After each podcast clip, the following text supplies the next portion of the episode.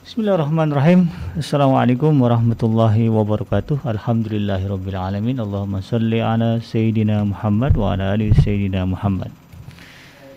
Kembali berjumpa di gelombang 1044 AM iDream Radio Successful Muslim Family dalam program Ngaji From Home. Kajian yang disampaikan oleh para guru kita yang akan membahas berbagai tema. Dan untuk hari ini kita akan mendengarkan kajian tentang uh, tema eh, sifat-sifat mulia dan mereka yang pantas memilikinya. Dan tema tersebut akan diulas dan dibahas oleh guru kita Al Ustad Syahroni Mardani LC. Mudah-mudahan apa yang beliau sampaikan nanti uh, bisa kita pahami, bisa kita amalkan dan menjadi ilmu bagi kita semuanya. Tidak berlama-lama kita akan langsung kepada guru kita Al Ustaz Syahroni Mardani eh, LC yang akan membahas tema tentang sifat-sifat mulia dan mereka yang pantas memilikinya. Kepada beliau saya persilakan. Baik, bismillahirrahmanirrahim. Assalamualaikum warahmatullahi wabarakatuh. Waalaikumsalam warahmatullahi Alhamdulillahirabbil alamin wassalatu wassalamu ala Rasulillah sallallahu alaihi wasallam wa ala alihi wa sahbihi sallim ajmain amma ba'du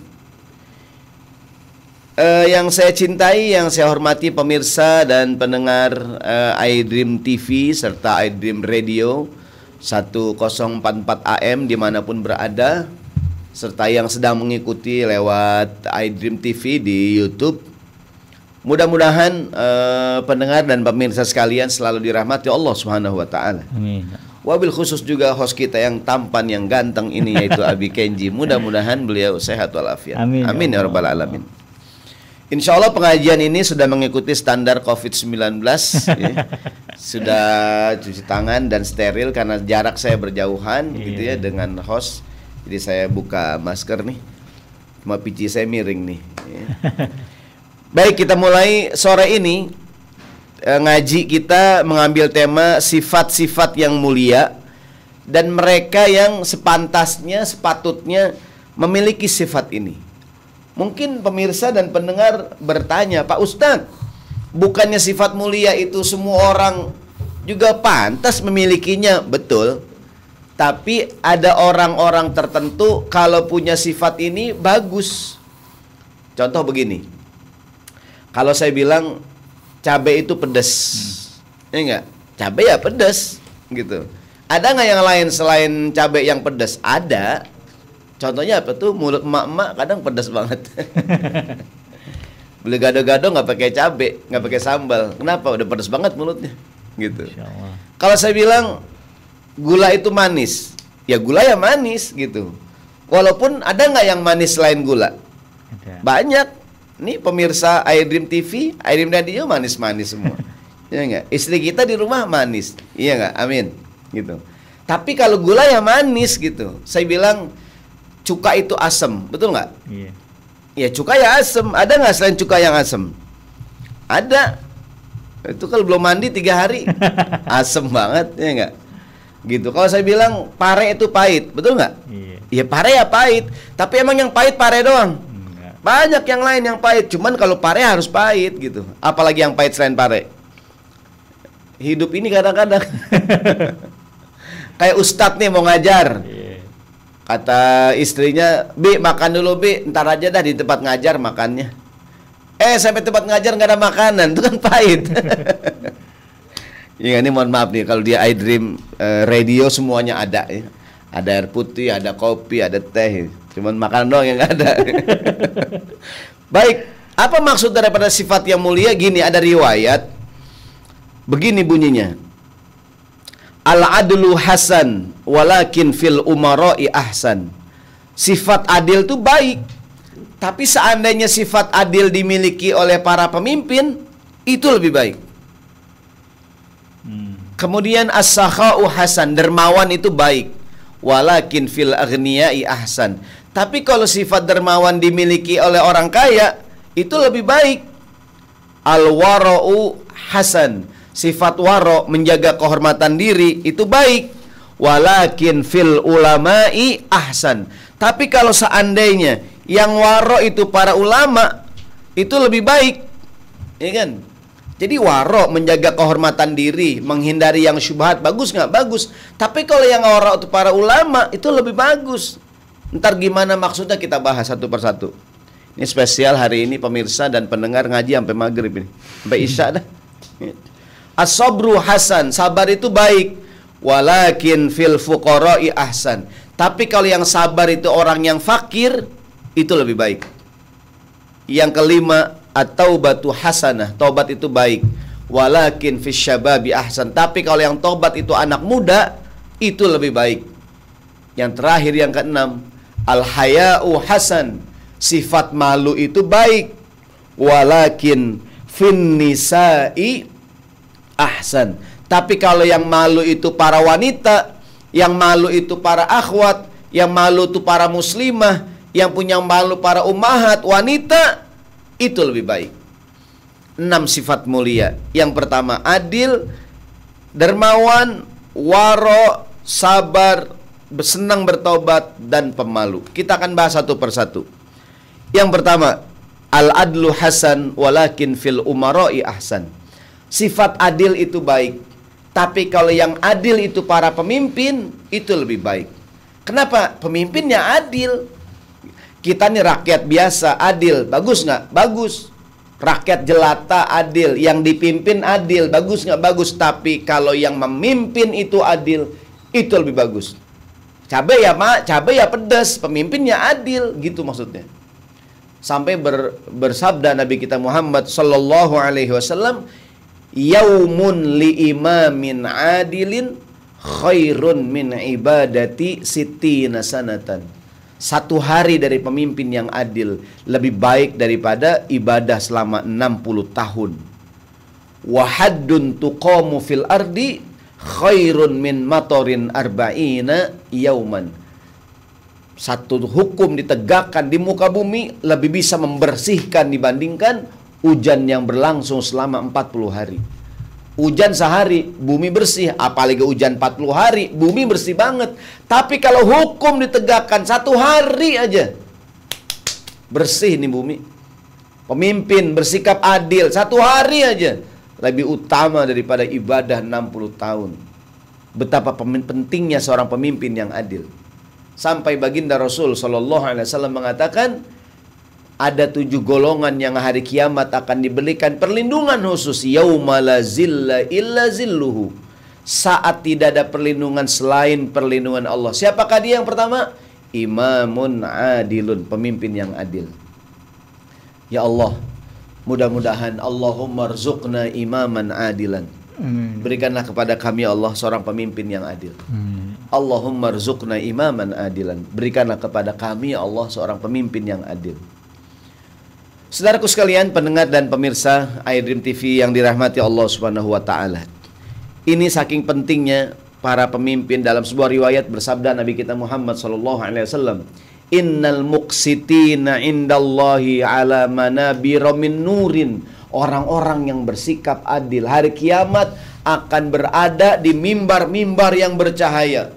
Di mimbar-mimbar yang terang bercahaya di sisi Allah. Siapa mereka? alladzina ya'diluna fi hukmihim wa ma wallau wa ahlihim wa ma wallau orang yang bersikap adil saat dia memimpin adil kepada keluarganya termasuk juga adil kepada rakyatnya harus adil harus menegakkan hukum yang salah itu salah jangan sampai pemimpin istilahnya tidak adil tajam ke bawah tumpul ke atas jangan keadilan harus ditegakkan Siapa pun yang salah, salah.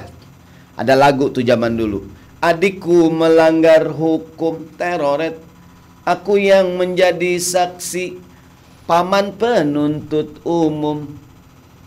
Ayah yang mengadili. Walau ibu sibuk membela yang salah dituntut salah. Ini lagu Jangan Sasidari ya dari Semarang. Tahun berapa tuh?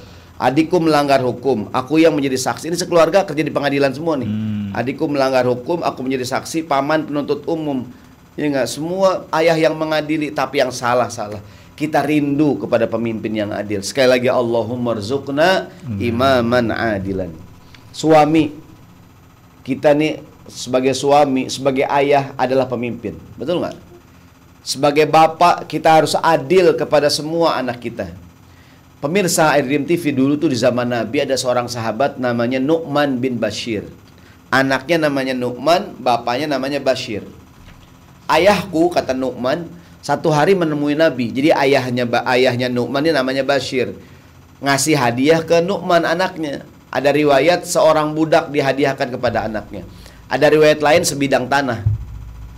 Dia ketemu Nabi nih Bashir, dia pengen Nabi jadi saksi, saksi hibah bahwa dia sudah menghibahkan kepada anaknya. Nabi jadi saksi. Nabi tanya, anak anak-anak ente yang lain dikasih nggak? Kalau Nu'man dikasih hadiah, yang lain dapat nggak? Kata Bashir, lah enggak Nabi, cuma Nu'man doang yang dapat. Nabi marah, kata Nabi, aku nggak mau menjadi saksi. La tushhidni ala jurin, aku tidak mau bersaksi untuk sebuah ketidakadilan. Kata Nabi, ittaqullaha wa'dilu baina auladikum hendaklah engkau bertakwa kepada Allah, bersikap adillah kepada semua anak-anak kamu, i'dilu baina auladikum, i'dilu baina auladikum. Punya anak tiga, satu dikasih hadiah hibah, yang dua dikasih juga. Nggak boleh adil, nggak nggak boleh nggak adil, nggak boleh pilih kasih. Bahkan kalau hibah boleh sama, anaknya tiga, laki perempuan, semuanya sama, masing-masing 100 meter gitu. Jangan yang ini dikasih hadiah, yang ini enggak berantem ketidakadilan memunculkan keributan. Orang tua nggak adil, anaknya berantem. Ya enggak? Ada pepatah mengatakan no justice, no peace. You understand? I am no. ya enggak? Ini pentingnya keadilan nih. Kalau yang adil tuh rakyat biasa, keren. Tapi kalau yang adil para pemimpin, itu lebih keren. Yang kedua, sifat yang pertama adil. Sifat yang kedua, as-sakho. Apaan sakho? Dermawan as-sakha'u hasan walakin fil aghniyai ahsan. Sifat dermawan itu bagus, keren, keren, cakep. Tapi kalau yang dermawan orang kaya itu lebih bagus. Ada nggak selain orang kaya yang dermawan? Ada.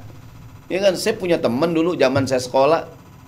Yang saya tahu sih, mohon maaf ya, orangnya biasa aja lah, nggak nggak nggak kaya, sederhana. Tapi orangnya dermawan Giliran naik metro mini, dia mulai yang bayarin. Masya Allah, baru sadar saya sekarang. Dulu di sekolah saya ada di kelas tuh ada dua orang yang dermawan. Satu teman saya tuh, satu lagi saya nggak sebutin ya takut ria. ya gak? Ada dua orang tuh dulu di kelas saya yang dermawan. Ya. Ya, satu satu teman saya tuh, hmm. ya kan satu lagi saya nggak sebutin ya takut ntar apa namanya uh, ria. Jadi teman saya tuh nggak kaya nggak, cuma dia dermawan, ya kan kalau jajan di kantin dia yang bayarin. Nggak kaya, dermawan, bagus. Tapi kalau yang dermawan orang kaya itu lo bagus. Kenapa? Dia punya duit. Hmm. Kita punya saudara kaya, ya nggak nih? Jalan-jalan, dia ngongkosin bagus. Kita punya saudara kaya, pelit banget. Buat apaan dia kaya? Mobilnya tiga, mobilnya empat, rumahnya gede, duitnya banyak, pelit. Buat apaan lu kaya? Nggak ada gunanya. Buat apa ente kaya nggak ada gunanya. Orang kaya tuh dermawan. Sallallahu alaihi wasallam. Para sahabat radhiyallahu anhum dermawan. Di antaranya sahabat Abu Bakar Siddiq radhiyallahu anhu. Masya Allah. Sahabat Abu Bakar Siddiq. Nabi yang cerita. Apa kata Nabi? Kalau Rasulullah sallallahu alaihi wasallam. Mali ahadin indaha indana yadun illa waqad kafainahu. Kata Nabi, semua orang, semua sahabat yang dulu membantu aku menginfakkan hartanya, bersedekah, e, berkontribusi dengan harta, semuanya udah aku ganti kata Nabi. Setelah Islam menang, menang, menang, menang, meraih kemenangan, banyak konima, yang nolongin, bantuin kata Nabi, udah aku balas. Illa Abu Bakrin, kecuali sahabat Abu Bakar. Kata baginda Nabi, fa inna lahu indana yadan yukafihillahu biha yaumal qiyamah. Abu Bakar punya kontribusi yang luar biasa, nanti Allah yang akan balas. Saking banyaknya, masya Allah. Sampai Rasulullah mengatakan mana fa'ani malu ahadin, mana fa'ani mala Abu Bakrin. Tidak ada harta yang paling banyak memberikan manfaat untuk perjuanganku kecuali hartanya Abu Bakar. Ya Allah, saya doakan sore hari ini. Mudah-mudahan semua pemirsa, pendengar kajian sore hari ini jadi orang kaya semuanya. Hmm Orang kaya yang dermawan. Saya doain Abi Kenji orang kaya, kaya raya, Amin. kemudian dermawan. Amin. Saya doakan pemirsa pendengar iDream TV, iDream Radio di mana pun berada, semua jadi orang kaya, orang kaya yang dermawan. Abu Bakar Siddiq radhiyallahu anhu punya anak Asma dan Aisyah, dua-duanya dermawan. Mirip banget dengan ayahnya. Ya Allah, bapaknya dermawan, anaknya dermawan. Ya Allah, jadikanlah anak-anak kami orang kaya, duitnya banyak, sukses dalam hidupnya, anak yang soleh, solehah, tapi dia dermawan. Amin ya rabbal alamin. Amin. Kalau kaya nggak dermawan buat apaan? Buat apaan? Ya nggak? Sahabat al asyarah al mubasyaruna bil jannah. Kalau nggak salah 7 atau 8 orang di antaranya saudagar orang kaya semua memberikan kepada Nabi Shallallahu alaihi wasallam. Jadi kalau yang dermawan orang yang biasa bagus, tapi kalau yang dermawan orang kaya itu lebih bagus. Kenapa? Ya kaya dermawan gitu. Oh, para sahabat berlomba-lomba, Umar dan Abu Bakar berlomba-lomba, berlomba-lomba. Fastabikul khairat, berlomba-lomba dalam menginfakkan hartanya gitu. Luar biasa mereka tuh orang kaya yang dermawan. Bahkan di dalam Al-Qur'an sampai Allah menurunkan satu ayat dalam tafsir saya baca ini ayat terkait dengan kedermawanannya Abu Bakar. Di surat Al-Lail ayat 19 20 21. Allah berfirman Bismillahirrahmanirrahim wa ma li ahadin indahu min ni'matin tujza illa batigha'a wajhi rabbihil a'la wala saufa yarda. Ini ayat tentang Abu Bakar Siddiq. Wa ma li ahadin indahu min ni'matin tujza. Tidak ada seorang pun yang pernah memberikan nikmat berbuat baik kepada Abu Bakar Siddiq yang harus dia balas kebaikannya. Begini maksudnya. Kan kebanyakan kita, mohon maaf lah ya, berbuat baik kan balas budi, betul nggak? Iya. Contoh saya nih, saya sering datang ke studio iDream TV, iDream Radio di Depok. Teman-teman iDream TV baik banget sama saya, masya Allah, baik banget, terkesan saya terkesan. iDream TV, iDream Radio, krunya semua, ya kan? Abi Kenji, ini Bang Misran, semua baik baik baik. Ustadz Abdullah Haidir, semua baik baik sama saya. Masya Allah luar biasa, saya terkesan banget dah. Eh suatu saat kemudian setahun, dua tahun, tiga tahun, sepuluh tahun kemudian saya nih Ustadz Saron nih jadi milioner. Amin. Gak ada yang amin nih para pemirsa. Saya jadi sultan. Amin. Iya nggak? Saya tinggal di Mampang, Jakarta Selatan. Sultan Mampang. Wes, ya nggak? Milioner saya kaya raya. Tiba-tiba datang anak muda ke rumah saya. Assalamualaikum Pak Ustadz. Waalaikumsalam. Ada apa ya? Kamu siapa nih saya tanya. Saya Pak Ustadz, saya dulu bapak saya bertugas di iDream TV Pak Ustadz. ya Allah, bapak ente baik banget sama saya. Saya terkesan. Nih nih nih, saya kasih uang satu miliar buat ongkos pulang naik ojek. Iya kan? Ya Allah, ya nggak namanya Sultan. Ya nggak? Kenapa saya berbuat baik sama dia? Iya. Balas budi, betul nggak nih? Betul. Kalau Abu Bakar wa li ahadin indahu min ni'matin Tujuh. tujza tidak ada nikmat kebaikan orang yang harus dia balas nggak ada. Ngapain dia dermawan? Illa batigha wajhi rabbihil a'la semata-mata mengejar keridoan Allah. Ujung ayatnya wala saufa yarda nanti Abu Bakar akan mendapatkan kepuasan, kesenangan, keridhaan atas kebaikan yang dia lakukan. Allahu akbar, Allahu akbar walillahil hamd.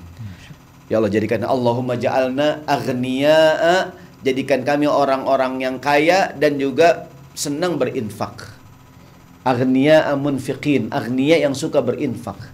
Ya kan? Aghniya yang suka berinfak, berzakat, bersedekah. Amin ya rabbal alamin. Ini yang kedua. Sekarang yang ketiga. Yang pertama tadi adilnya pemimpin. Yang kedua apaan? Adalah sedekahnya orang kaya. Yang ketiga al-wara'u hasan walakin fil ulama'i ahsan. Sifat waro, apa sih waro? Menjaga kehormatan. Hati-hati, ada yang halal, ada yang haram, ada yang syubhat. Apaan syubhat? Samar-samar. Ya enggak? Yang haram kita tinggalkan, yang syubhat kita jauhin. Dalam sebuah hadis kata baginda Nabi, "Innal halala bayinun." Halal jelas. Wa innal harama bayinun. Yang haram juga jelas. Ya enggak? Wa bainahuma umurun mushtabihatun. Antara halal haram ada perkara syubhat. Kata baginda Nabi, famanittaqa asyubuhati siapa orang yang menjaga dirinya daripada yang syubhat istabro'a lidinihi wa irdihi. Menjaga dirinya menjaga agamanya menjaga kehormatan. Namun kata baginda Nabi faman waqa'a fi syubuhati waqa'a fil haram. Siapa orang yang sering berani ngambil yang subhat, lama-lama jatuh sama yang haram. Orang biasa, orang awam, jamaah, waro, bagus nggak? Bagus. Lebih bagus lagi kalau ustadznya yang waro. Lebih bagus lagi kalau ulamanya yang waro. Kenapa? Kalau ulama tidak waro, hancur agama. Ada ungkapan Sayyidina Ali mengatakan fasadud dini bithnaini, rusaknya agama di antara gara-gara dua perkara.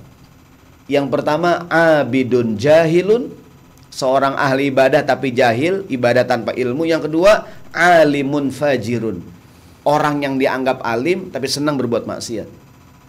Orang yang dianggap ulama tapi senang berbuat maksiat. Berani banget sama yang subhat. Ini saya mohon maaf nih, ya enggak? Saya menghimbau, ya, ya saya sebagai guru ngaji lah, saya bukan ulama lah, guru ngaji lah, guru ngaji kampung lah ya Orang-orang yang dihormatin dianggap ulama milikilah sifat waro. Pepatah Indonesia mengatakan, mohon maaf kalau guru kencing berdiri, murid murid kencing berlari. Ya enggak? Kalau gurunya tidak waro, gimana muridnya? Gitu tuh. Jangan sembarangan ngambil-ngambil duit. Lima. Ya enggak nih? Zolim lah gitu. Innama sanya yakhsyallah Allah siapa al ulama kalau ulama udah nggak takut mau lagi namanya. Ini banget ame yang subhat, ame yang nggak jelas jangan dah. Baginda Nabi Shallallahu Alaihi Wasallam teladan kita dalam masalah meninggalkan yang subhat. Beliau Shallallahu Alaihi Wasallam Nabi takut banget ame yang subhat. Takut Nabi ame yang subhat. Satu hari Anas bin Malik bercerita. Kata Anas bin Malik, Nabi lagi jalan, ya kan? Pas Nabi lagi jalan, wajada tamrotan fitoriq Nabi ketemu ada kurma di jalanan. Kurma. Kemudian kata Nabi, "Laula anni akhafu an takuna minas sadaqah la akaltuha." Kalaulah seandainya bukan karena aku khawatir nih korma korma sedekah, aku nggak aku pasti aku makan. Karena aku tak infak sedekah nggak boleh. Ada riwayat katanya zakat infak sedekah itu min ausakhi amwalil muslimin itu kotoran daripada harta-harta orang yang beriman. Dakinya gitu. Hmm. Kan ini harta nih dibersihin, ini enggak? Kayak kayak ada ada barang nih. Ada handphone kotor, saya bersihin, debunya hilang, itu kan kotoran, ya enggak? Hmm. Nah, zakat infak sedekah itu kan membersihkan harta, ausahu amwalil muslimin. Kita nggak ngambil kata Nabi. Nah, maka kata Nabi, Nabi lagi di jalan, ketemu korma, Nabi nggak ambil. Ya Rasulullah kenapa nggak diambil? Takut korma sedekah, aku nggak ada. Gitu. Nah kita juga sama, kita jangan sembarangan nah, ngambil-ngambil. Ini kadang ada makanan di meja main makan aja oleh jamaah. Eh punya ustad katanya. ustad ada datang kuenya habis. Iya. Jadi ini saudaraku sekalian, hari ini saya mohon maaf nih. Tadi itu rusaknya para pemimpin, para penguasa karena rusaknya para ulama. Rusaknya para ulama karena hubbud dunia, cinta pada dunia. Kalau ulamanya udah cinta dunia, rusaklah agama ini. Rusaklah para pemimpin, rusaklah agama ini. Ya Allah, Allahumma ja'al ulama ana jadikanlah ulama-ulama kami ulama-ulama yang warok. Ulama-ulama yang takut terhadap perkara-perkara yang syubhat. Ya kan? Bahkan bahkan ada saya punya guru seorang ulama jangankan yang haram, jangankan yang syubhat, yang halal kadang-kadang dia tinggalin. Kenapa Pak Kiai? Yang halal kalau kebanyakan juga takut jadi haram. Begitu. Hmm. Makan halal haram. Halal. halal tidur halal haram. Halal. halal cuman kalau kebanyakan tidur khawatir tidur mulu. Hmm. Gitu tuh. Ya kan? Jadi walaupun tidur tuh boleh, ya jangan kalau tidur mulu. Ya enggak? Ada orang mendengarkan hiburan, boleh nggak? Boleh, jangan kebanyakan. Takutnya ntar jadi nggak jelas gitu. Orang menghibur diri, mendengarkan nasyid, berdendang, boleh nggak? Boleh. Tapi kalau kebanyakan, jangan-jangan, nah gitu. Yang halal juga kalau kebanyakan kurang baik gitu. Kata sahabat Ibnu Abbas kalau nggak salah menafsirkan ayat kulu washrabu wa la tusrifu innahu la yuhibbul musrifin. Silakan makan, silakan minum, jangan berlebihan. Kata Ibnu Abbas, kul ma syi'ta wal bas ma syi'ta. Makan yang pengen kamu makan. Pakailah yang ingin kamu pakai. Ma akhto'aka illathnaini. Yang bikin kamu salah cuma dua Apakah itu sarofun wa makhilatun, berlebihan dan kesombongan. Pakai baju bagus boleh nggak? Boleh, jangan berlebihan. Yang salah cuma dua, berlebihan dan sombong. Hmm. Pakai baju bagus nih boleh, jangan berlebihan. Ini nggak kemahalan, mahal banget, jangan. Atau jadi sombong, ada nggak tuh? Ada akhwat pakai jilbab mahal, begini mulu goyang-goyang. Kenapa ukti? Jilbab ada banget Ustaz. Nah, sombong dia. Iya enggak? Gitu. Kita kembali. Jadi kalau yang waro itu adalah jamaah orang awam bagus, tapi kalau yang waro para ulama itu lebih bagus. Kenapa? Ulama itu teladan. Ulama itu teladan. Ini kan. Maka kalau ulama tadi itu kata Sayyidina Ali, dua hal yang merusak agama. Ahli ibadah yang jahil dan ulama yang fajir. Kenapa? Ahli ibadah jadi contoh Ulama juga jadi contoh kalau yang ibadahnya nggak pakai ilmu, orang yang menganggap ulamanya suka maksiat, selesai udah, ya enggak. Baik, yang keempat sekarang. Apakah sifat mulia yang keempat? As-sabru alias sabar. As-sabru hasan. Walakin fil fuqara'i ahsan. Sabar itu bagus tapi kalau yang sabar orang-orang yang fakir itu lebih bagus. Apa maksudnya? Saya mohon maaf ya. Kan orang fakir banyak ujiannya, ujian harta, ujian masya Allah. Maka modalnya apa? Sabar. Ada nggak orang kaya yang sabar? Ada. Tapi kalau yang sabar orang yang fakir itu lebih pantas. Kenapa? Dia harus punya modal itu gitu. Ya kan kalau orang kaya mohon maaf jarang susah. Hmm. Ingat. Ya artinya duit ada, rumah gede, banjir nggak kebanjiran, bocor nggak kebocoran. Ya nggak nih? Mungkin kalau orang fakir rumahnya sederhana, kadang kebocoran, kadang kebanjiran. Mau beli ini nggak ada, mau beli itu nggak punya. Ya nggak nih? Modalnya apa? Sabar. Hmm. Kalau orang kaya, orang yang nggak fakir, sabar bagus. Tapi orang yang fakir, sabar lebih bagus. Nih penting saudaraku.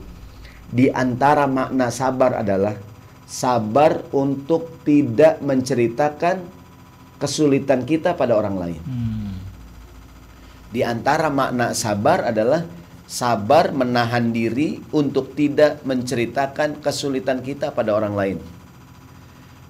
Termasuk harta karun adalah kitmanul masoib, merahasiakan musibah.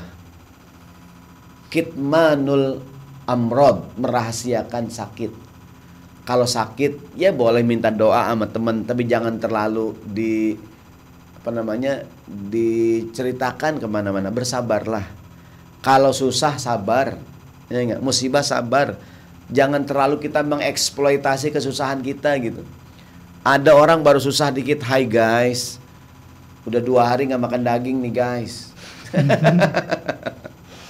kata yang nonton nah gue udah dua bulan nggak makan biasa aja Hai guys, udah seminggu nggak megang duit nih guys. Cuman kartu ATM doang kan. Ya elah sombong amat gitu. Biasa aja bang, biasa aja kakak, wah dan abang sekalian. Pemirsa iDream TV, iDream Radio. Kitmanul masoib, rahasiakanlah kesulitanmu. Gitu. Rahasiakanlah uh, penyakitmu. Maksudnya nggak usah terlalu, ya, apalagi mohon maaf ya, mohon maaf kalau ngomong nih Mohon maaf kalau saya salah. Apalagi kadang kita share-share sekedar ingin mendapatkan belas kasihan orang, jangan. Hmm. Pengen dikasihanin, pengen disumbang, jangan. Biar Allah yang yang yang yang nolongin kita. Kitmanul masoib. Nabi Muhammad punya banyak masalah. Ke mana beliau ngadu? Sama Allah. Allahumma ashku ilaika dha'fa quwwati wa qillata hilati wa hawani ala nasi Allah. Aku mengadukan diriku lemahnya diriku ya Allah. Ngadu sama Allah. Nabi Yakub alaihissalam begitu mendengar Nabi Yusuf katanya dimakan binatang padahal kan bohong anak-anaknya. Hmm. Nabi Yakub langsung Allahumma ashku bathi wa huzni ilallah ya Allah aku adukan semua kesedihanku kepada engkau ya Allah. Begitu. Mengadulah pada Allah Subhanahu wa taala. Ya enggak? Jangan ngadu sama manusia capek kita. Ya enggak? Kita cerita susah sama orang-orang susahan lagi. Ya kan? Kalau kita menceritakan kesulitan yang kita hadapi banyak orang yang lebih sulit dibandingkan kita. As-sabru hasan walakin fil fuqara'i ahsan kalau orang biasa itu sabar, maka orang fakir lebih pantas lagi kalau sabar, lebih bagus. Sampai Rasulullah mengatakan dalam sebuah hadis, apa kata beliau? Kalau Rasulullah sallallahu alaihi wasallam, "Laisal miskinul ladzi yatufu 'alan nas tarid tarudduhul luqmah wal luqmatain wa tamratu wa tamrotan." Bukanlah orang yang miskin itu kata Nabi, orang yang keliling kampung minta-minta keliling kampung minta sesuap dua suap nasi, sebutir dua butir kurma. Bukan itu bukan orang miskin kata Nabi. Jangan-jangan emang kerjaannya. Hmm. Orang yang miskin kata baginda Nabi, walakinnal miskinul ladzi la yajidu ghinan yughnihi. Orang yang miskin, orang yang punya pekerjaan tapi tidak mencukupi kebutuhannya. Wala yuftinu lahu fayatasaddaqu alaihi. Dia nggak pernah kepikiran pengen disumbang sama orang enggak wala yakumu fayas alun nas. Dia juga nggak pernah diri kesono kemari minta bantuan sama orang. Dia nggak kepikiran orang orang nyumbang sama dia. Dia juga nggak pernah kepikiran mau minta-minta enggak dia dia tahu dia susah. Dia merasa merasa cukup dengan apa yang dia punya. Sabar. Sabar. Sabar. Ya kan? Ya kadang-kadang kita dengan istri dengan keluarga di rumah dalam masa pandemi covid-19 pastilah semua kita merasakan Ya enggak? Pasti ada pengaruhnya yang biasa punya penghasilan 10, sekarang tinggal 5. Ya enggak? Bahkan yang biasa punya penghasilan sekarang nggak punya penghasilan sama sekali. Ya enggak? Kalau kita merasa susah, banyak orang yang lebih susah. Di dalam Al-Quran, Allah menjelaskan siapa orang yang pantas kita kasih. Di surat Al-Baqarah 273. Allah berfirman, Bismillahirrahmanirrahim lil fuqara'il ladzina uhsiru fi sabilillah. Berinfaklah, berbagilah kepada siapa? Orang-orang yang fakir yang mana dia ini terikat dengan berjuang di jalan Allah. Banyak prajurit-prajurit di medan pertempuran. Di kita, kita punya banyak prajurit. Dia berkorban untuk negara, ditugaskan oleh negara di perbatasan meninggalkan anaknya, meninggalkan istrinya, dapat gaji, cuma kan pas-pasan. Para prajurit-prajurit yang bertempur menjaga-jaga perbatasan. Kan mereka ya mohon maaf ya, karena mereka terikat dengan tugas la yastati'u uh, la darban fil ardi. Mereka tidak bisa berusaha di muka bumi. Kita bukan prajurit, kita bukan tentara, bisa bisnis kita, betul nggak? Kita bukan prajurit, kita dagang, kita usaha, segala macam. Kalau yang prajurit bertugas di medan penempur, di perbatasan-perbatasan, menjaga NKRI, mereka punya penghasilan, mungkin pas-pasan. Sekedar untuk anak istrinya, nggak bisa bisnis. Ya enggak? Dan mereka nih yahsabuhul jahil yahsabuhumul jahilu agniya aminat ta'afuf. Meskipun hidupnya susah, nggak pernah minta-minta. Orang yang nggak tahu nyangkain dia orang kaya. Orang yang nggak ngerti nyangkain dia orang berkecukupan. Padahal hidupnya pas-pasan. Ya nggak? Kenapa dia disangkan orang kaya? Minat ta'afuf. Dia ifah. Merasa malu untuk meminta. Prajurit di medan juang. Ya nggak terikat dengan tugas. Dia punya gaji nggak besar. Ya nggak? Tapi hidupnya sederhana. Tapi dia nggak minta-minta. Orang nggak nyangka kalau dia susah. Orang nggak tahu kalau dia susah. Kenapa? Jarang minta. Ta'rifuhum bisimahum. Kamu tahu ciri-ciri mereka. La yas'alunan nasa ilhafa. Mereka pun tidak pernah kepikiran minta bantuan sama orang lain. Enggak. Yang dia punya ya udah gitu. Kata Allah yang begini yang harus kita bantu. Maka kita menghimbau kepada pemerintah. Harusnya prajurit-prajurit kita kesejahteraannya harus difikirkan.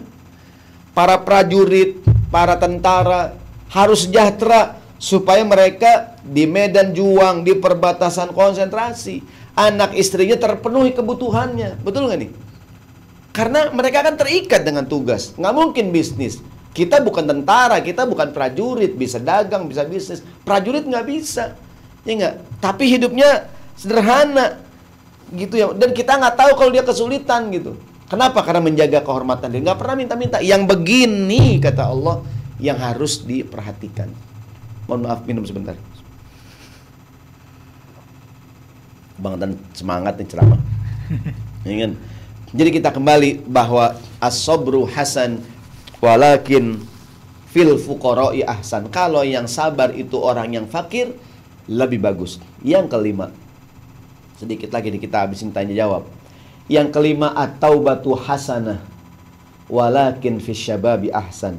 Bertobat itu bagus, tapi kalau seandainya yang senang bertobat anak muda itu lebih bagus. Kenapa? Anak muda banyak godaannya. Anak muda banyak ujiannya. Ya enggak? Darah muda, darahnya para remaja yang maunya menang sendiri walau kalah tak peduli. Betul nggak nih? Kayak lagu ya? Iya. Darah muda, ya nggak nih? Jadi anak muda nih. Kalau orang tua tobat, emang pantas mau ngapain lagi? Ya, mau ke tempat hiburan, masuk, diskotik, tolak sama security. Resiko. Ya enggak? Tapi kalau anak muda, Masya Allah, tobat. Masya Allah, seperti pemirsa dan pendengar iDream Radio. Anak-anak muda yang bertobat pada Allah Subhanahu wa taala. At-taubatu hasanah walakin fisyababi ahsan. Bertobat itu bagus, tapi kalau yang tobat anak muda itu lebih keren. Sampai baginda Nabi mengatakan tadi itu hadisnya tujuh kelompok yang akan diberikan perlindungan hari kiamat yang pertama siapa? Imamun adilun. Yang kedua, syabun nasya'a fi ibadatillah. Anak muda yang tumbuh beribadah kepada Allah. Yang keenam yang terakhir, apakah sifat mulia itu malu? Al-haya. Al-haya sama dengan malu. Al-haya'u hasan walakin fin nisa'i ahsan sifat malu itu bagus. Tapi kalau yang malu para wanita, para muslimah, para akhwat punya sifat malu, itu lebih bagus. Kita hidup hari ini di zaman, mohon maaf ya para akhwat umahat sekalian, gadis-gadis minta maaf, banyak perempuan kehilangan rasa malu. Kalau kita lihat di medsos, para wanita berjoget-joget, Ustadz ngeliat, saya katanya doang, katanya, Ustadz Saroni, di TikTok tuh Ustadz, banyak tuh kadang-kadang tuh anak-anak akhwat-akhwat pada pakai jilbab. Anak-anak remaja putri pada pakai jilbab. Emak-emak kadang Pak Ustadz pada joget-joget Pak Ustadz. Berani-berani banget. Ini kan. Ustadz nonton tak saya katanya doang. Ini kan. Masya Allah. Kehilangan rasa malu. Kadang-kadang begini. Dia yang joget kita yang malu kadang-kadang. Ada nggak tuh? Ya Allah. Kita malu ngelihatnya. Kayak begini. Mohon maaf. Kita belanja sama istri kita ke pasar Istri kita kadang kan nawar berani banget. Berapa nih bang baju? Kata yang dagang 100 ribu bu. Kata istri kita 15 ya bang. Tega banget ya. Dia nawar kita malu. Kata suaminya, gue nunggu di mobil aja dah, gue malu nemenin. Bini yang nawar, suaminya yang malu. Ini ini mohon maaf nih para akhwat, para umahat sekalian, akhwat, akhwat para gadis-gadis remaja, minta maaf nih ya kalau saya salah ngomong nih. Orang pemalu itu bagus, tapi kalau yang malu para wanita lebih bagus. Ada nggak laki-laki pemalu? Ada baginda Nabi Shallallahu Alaihi Wasallam. Nabi orang yang sangat pemalu. Wa kana Rasulullah di dalam kitab Barzanji itu. Wa kana Rasulullah sallallahu alaihi wasallam syadidal haya'i wat tawadu adalah Nabi Muhammad sallallahu alaihi wasallam seorang yang sangat pemalu, seorang yang sangat rendah hatinya. Pemalu Nabi. Saya mohon maaf, saya punya anak, anak saya laki, pemalu orangnya, mirip banget bapaknya. Tuh anak saya tuh, ya pemalu banget, mirip banget bapaknya. Ya enggak? Laki-laki malu bagus, walakin fin nisa'i ahsan kalau yang malu itu para perempuan lebih bagus. Ketika Nabi Musa alaihissalam bertemu dengan anak gadisnya Nabi Shu'aib di dalam Al-Quran surat Al-Qasas yang kemudian jadi istrinya Nabi Musa. Bagaimana Allah menggambarkan putrinya Nabi Shu'aib seorang gadis yang pemalu bertemu dengan Nabi Musa. Bismillahirrahmanirrahim. Faja'at ihdahuma tamshi ala istihya'in. Datanglah satu di antara dua orang putrinya Nabi Shu'aib menemui Nabi Musa. Gimana jalannya? Tamshi ala istihya. Jalannya malu-malu. Begitu. Malu-malu. Maka pernah saya bilang di pengajian kita, anak gadis tuh diamnya tanda setuju. Karena kadang dia malu buat ngomong. Bapaknya nanya, Neng, tadi bapak pulang dari musola, ada seorang anak laki, anak muda, jomblo, kayaknya soleh banget. Mau nggak bapak nikahin sama dia? Pasti malu dijawab. Apa yang dia bilang? Ah, bapak bisa aja. bapak bisa aja. Mau nggak? Ah, bapak bisa aja. Dia mau tuh mau. Kenapa? Anak gadis itu pemalu mohon maaf ya. Al haya'u hasan. Walakin fin nisa'i. Ahsan ya Allah jadikanlah putri-putri kami wanita-wanita kami yang memiliki sifat malu. Sampai baginda Rasul mengatakan in lam tastahi fasna ma kalau sudah tidak punya malu lakukanlah yang kamu ingin lakukan. Kadang-kadang sebuah perbuatan tidak kita lakukan bukan karena halal haram bukan. Kita tinggalkan bukan karena nggak boleh. Karena apa? Malu Pak Ustadz malu. Malu.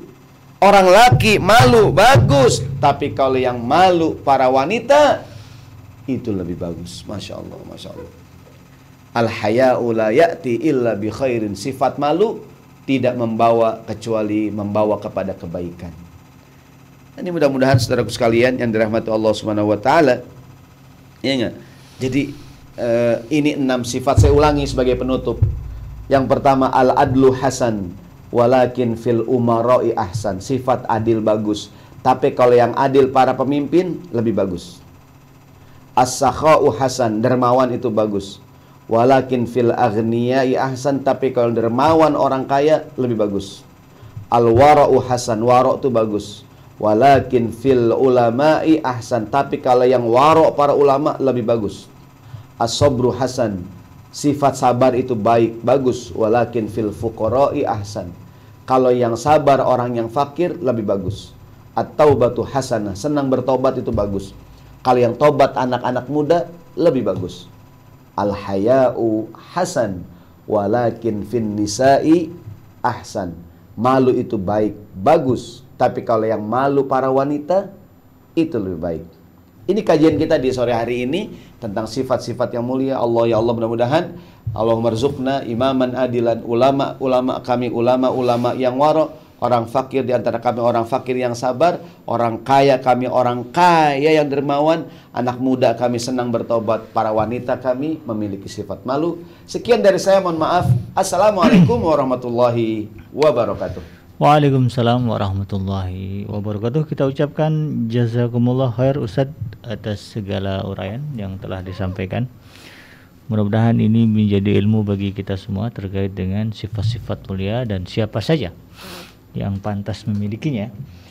Jadi ada eh, enam, ya, ada enam sifat yang tadi dibahas oleh guru kita. Yang pertama adalah uh, sifat dermawan ya, kemudian sifat wara kemudian sifat sabar ada juga uh, taubat ya. kemudian sifat malu mudah-mudahan bisa dipahami Baik, bagi Anda sahabat iDream Radio dan juga sahabat iDream TV yang ingin menyampaikan persoalan atau pertanyaan terkait dengan materi yang disampaikan oleh guru kita, Anda bisa langsung bertanya melalui kolom komentar Insya Allah kita akan sampaikan kepada Ustadz sebatas waktu yang beliau berikan. Atau bagi Anda yang mendengarkan kita di petang hari ini melalui gelombang 1044 AM, eh, silakan juga bertanya melalui nomor WhatsApp di 0822 9881044. Baik Ustadz Sahroni sudah siap untuk menjawab pertanyaan? Baik, ya kalau saat yang ini juga banyak nih jamaah biasa. Masya Allah, Uh, ada pertanyaan Ustaz dari akun atas nama Ria Nofria. Dari siapa? Akun atas nama Ria Nofria. Oh iya. Assalamualaikum Ustaz, bagaimana sifat yang mulia bagi orang-orang yang berilmu? Gimana gimana? Bagaimana? Bagaimana sifat yang mulia uh, yang dilekatkan kepada orang-orang berilmu? Mungkin ada nggak eh, ciri khasnya orang-orang Iya. berilmu ini sifatnya selain tadi eh, Warok ya. eh, selain dari warak apa lagi kira-kira? Ya, Bismillahirrahmanirrahim. Orang yang berilmu itu pertama Bismillahirrahmanirrahim ya, dia harus tawadu. Tawadu dengan ilmunya. Walaupun dia merasa punya ilmu, tapi dia yakin bahwa wa fawqa kulli ilmin alimun. Hmm. Di atas orang yang berilmu pasti ada lagi yang lebih berilmu, ya kan? Dia menyadari bahwa Allah mengatakan wa ma utitum minal ilmi illa qalilan. Tidak Allah berikan kepada dia ilmu kecuali sedikit saja. Yang kedua, orang yang berilmu dia bersifat jadi teladan. Sebelum diajarin ke orang lain, dia berusaha mengamalkan. Ya enggak? Jangan sampai seperti yang Allah gambarkan dalam Al-Qur'an, atamuruna nasa bil birri wa tansawna anfusakum wa antum tatlunal kitab. Mengapa kamu ajarin orang dan melupakan diri kamu sendiri? Iya. Dia tawadu, rendah hati, kemudian dia berusaha menjadi teladan. Bahkan ada sebagian ulama tidak mau mengajarkan sesuatu sebelum dia ngamalin, takutnya ngomong doang. Iya. Ada seorang ulama besar. Tiap dia mau ngajar di mimbar gitu. Muridnya nungguin dia diam, diam, diam, diam lama, diam, diam lama, diam. Muridnya nungguin, tiba-tiba dia berkata, wa ghairu taqiyyin ya'murun nasa bituqa at-tabibu yudawi wat-tabibu maridu. Hmm. Dia bilang orang yang tidak bertakwa nyuruh-nyuruh orang untuk bertakwa. Dokter pengen ngobatin orang yang sakit, eh dokter nih yang sakit. Ini dia seolah menyindir dia diri dia sendiri gitu. Bahwa dia tuh orang bukan orang yang bertakwa. Malu saya kalau menyampaikan nyuruh orang bertakwa. Begitu kira-kira. Rendah hati, tawadu, mengamalkan ilmu yang dia punya gitu. Dan yang paling penting juga orang yang dianggap punya ilmu, dia takut kepada Allah Subhanahu wa taala. Dia Hmm. dia memiliki khasyatullah.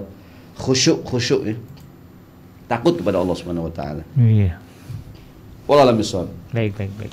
Demikian ya eh, bagi yang bertanya terkait dengan eh, sifat-sifat mulia lain ya bagi eh, orang-orang yang berilmu atau ulama selain dari sifat wara tadi. Baik, lanjut Ustaz ini karena eh, sambil menunggu pertanyaan dari jamaah karena masih ada waktu kurang lebih 15 menit lagi. Eh, ini dari di dalam tadi yang antum jelaskan eh, salah satu ada kutipan dari eh, surah Al-Lail terkait dengan eh, sifat dermawannya uh, Sayyidina Abu Bakar As-Siddiq. Di dalam ayat ini kan eh, yang diceritakan oleh Allah adalah Sayyidina Abu Bakar Ustaz. Eh, bahkan Allah Subhanahu wa taala menjanjikan wala saufa yarda Nah, dan nanti dia akan benar-benar mendapatkan kepuasan. Dalam konteks kita pada hari ini apakah ayat ini hanya untuk beliau saja? Ya. Nah, kira-kira gimana Ustaz? Baik, bismillahirrahmanirrahim. Dalam belajar ilmu tafsir ada kaidah eh, jadi apa namanya? Yang dilihat eh, bukan ala ibratu bi umumil lafzi la bi khususis sabab. Oke. Jadi dalam mempelajari Al-Qur'an yang dilihat bukan dengan siapa ayat ini turun, namun kemudian dilihat berlaku umum untuk siapa pun. Oh. Seperti ayat ini turun kepada Abu Bakar, Iya. diceritakan dalam Al-Qur'an pelajaran buat kita. Heeh. Ya kan? Seperti banyak sekali ayat-ayat yang turun kepada Nabi Muhammad, kepada eh, orang-orang Quraisy, Iya. kepada eh, ber- beberapa sahabat Nabi, turunnya kepada beliau namun berlaku untuk kita semua. Oke.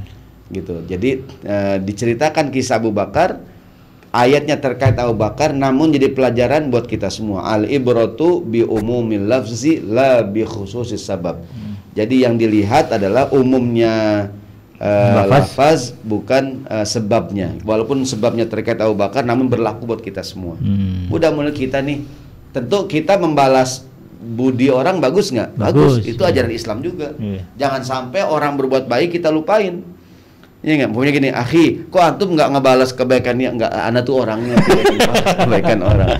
Antum kalau berbuat baik bukan karena membalas gitu. Enggak. Orang berbuat baik kita balas juga. Iya. Tapi jangan sampai cuman itu doang gitu. Maksudnya meskipun orang tidak berbuat baik sama kita, Iya. tetap aja kita berbuat baik sama Baik. dia. Jangan hanya sekedar balas budi gitu. Iya. Uh, malam yaskurin nas lam, Lam yaskurin. Nah, itu. Barang siapa yang Wallahu a'lam.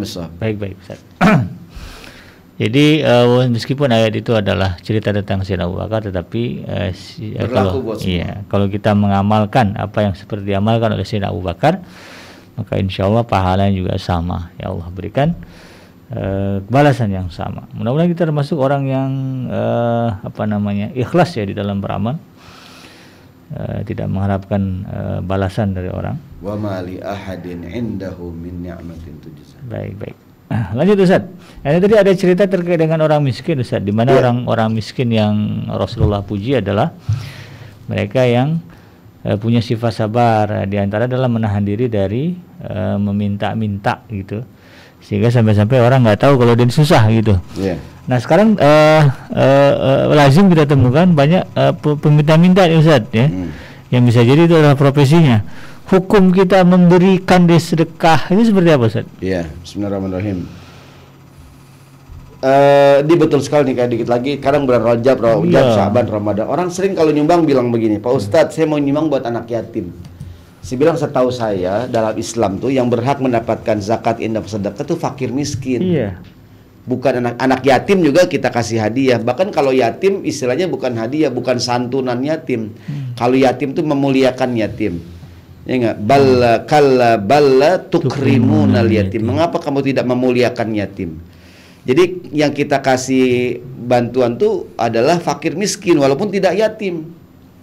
Gitu. Jadi fakir miskin. Nah, fakir miskin yang bagaimana? Yang tadi itu, yang tidak suka minta-minta. Karena kadang-kadang yang minta-minta jangan-jangan bukan miskin, emang kerjaannya. Iya. Wa- Walaupun banyak juga yang mis yang minta-minta memang orang miskin, tapi kan banyak kejadian tuh. Ternyata dia punya mobil. Iya. Ternyata di kampungnya katanya Di sawah. punya sawah gitu. Walaupun mungkin nggak semuanya ya. Hmm. Begini, kita boleh saja memberikan bantuan kepada siapa pun ya husnuzon aja dah. Hmm. Kadang-kadang ada orang minta pak, minta pak. Kalau mau ngasih ngasih, kalau nggak nggak apa-apa. Hmm. Gitu. Kalau ngomong ngasih maaf ya dek, sama yang lain aja ya dek. yang lain udah pak, bapak doang gitu, ya kan. Gitu. gitu. Artinya Iya. kalau mau ngasih silakan, kalau enggak ya ya udah. Gitu. Jangan kita ngasih tapi berkata yang kotor, ada nggak tuh? Nggak ada. Nih, nih, nih, nih, kok minta mau sih, udah bosen saya ngasih. Nah, akhirnya batal lah sayang sayang, sayang sayang gitu. Jadi kalau mau ngasih ngasih, kalau enggak nggak apa-apa. Jadi Cuman menurut saya sih lebih bagus memberi kepada orang yang betul-betul memang berhak gitu. oh, seperti yang disebutkan tadi ya. Iya, bagus sekali contohnya di, di lingkungan kita Pak RW, Pak RT punya data-data orang miskin di lingkungannya. Hmm. Kata Pak RT punya data-data orang yang berhak dibantuin di lingkungan RT. Kan bagus tuh. Jadi distribusinya per RT udah. Iya. Zakat infak sodako kita udah distribusinya per RT kan keren banget. RT punya data di kampung ini yang yatim sekian, yang perlu bantuan sekian. Ya nggak tuh? Oh keren banget gitu. Kita nggak usah bingung-bingung lagi. Katakanlah teman-teman tinggal di satu lingkungan kecamatan. Pak Camat punya data. Ya nggak di kecamatan ini, kelurahan ini yang susah. Pak Lurah punya data. Kat Pak Lurah di lingkungan kami RW ini, Pak RW punya data. Di RW kami cuman RT, di RT punya data gitu. Hmm.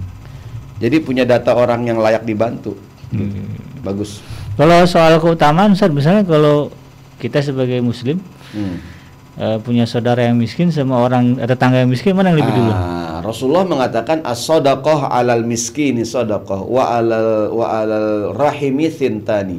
Sedekah kepada orang yang miskin yang bukan saudara pahalanya satu. Hmm. Sedekah kepada orang miskin yang masih keluarga, masih saudara pahalanya dua. Pahala sedekah dan pahala menyambung silaturahim. Jangan kadang-kadang yang bukan saudara kita tolongin, yang saudara kelupaan. Ada nggak kadang-kadang itu? Banyak. Ada juga dia sih banyak mau orang taat sama keluarga sendiri amit-amit dah. Nah, ini yang perlu ditatar. Iya, iya. Ya, ini penting juga untuk kita ketahui. Jadi Kayak kita sumbangan nih kadang motong korban, Hmm. motong sapi.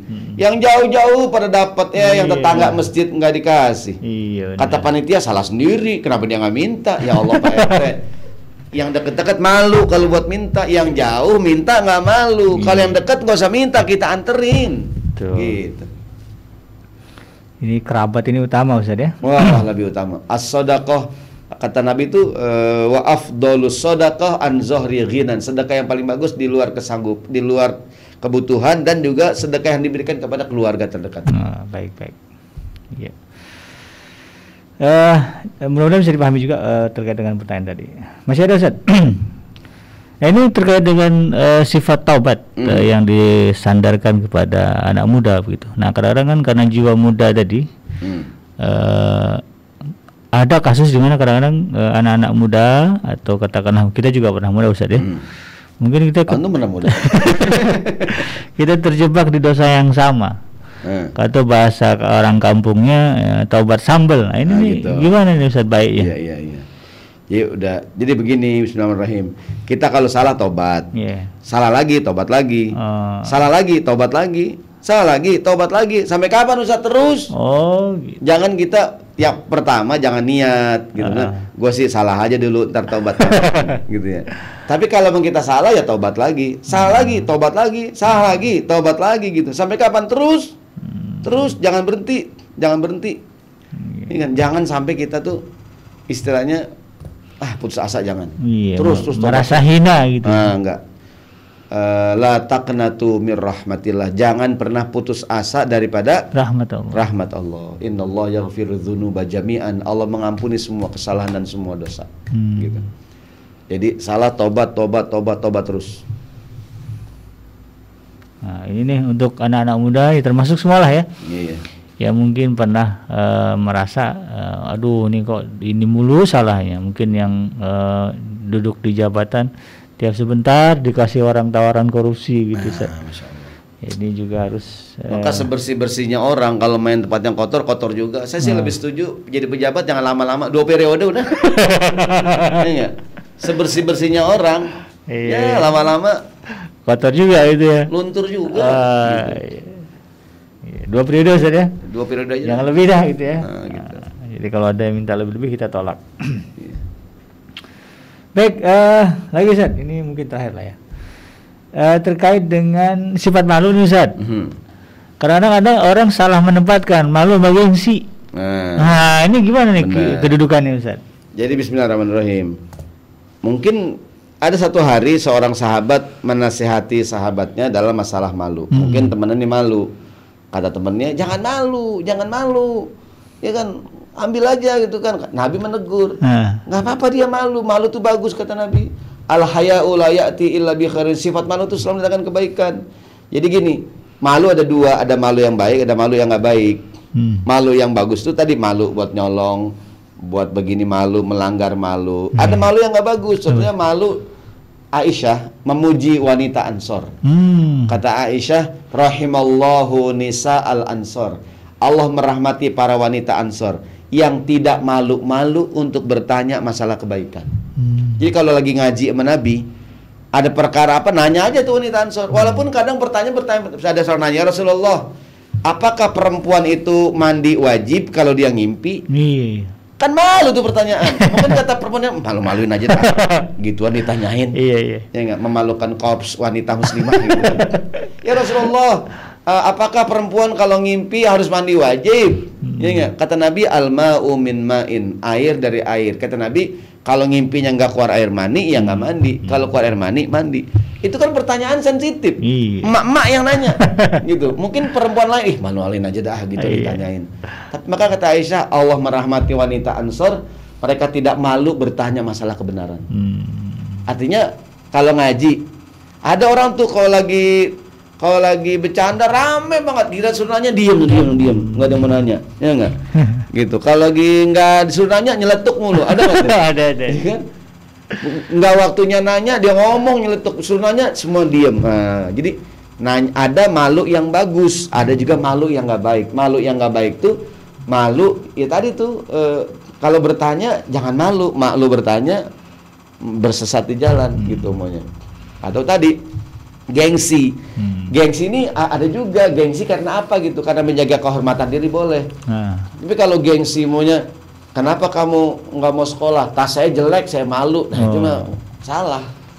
Ya enggak kalau tas kamu jelek sekolahnya nggak apa-apa aja. Hmm. ya kan jangan malu biasa aja. Yang yang daripada yang malu itu punya tas mahal boleh nyolong. Itu yang malu. Nah, gitu. Kan sekarang orang terbalik tasnya mahal mobilnya mewah tapi harus koru- hasil korupsi Bangga. bangga harusnya kan malu gitu malu gitu Allah alam bisawab.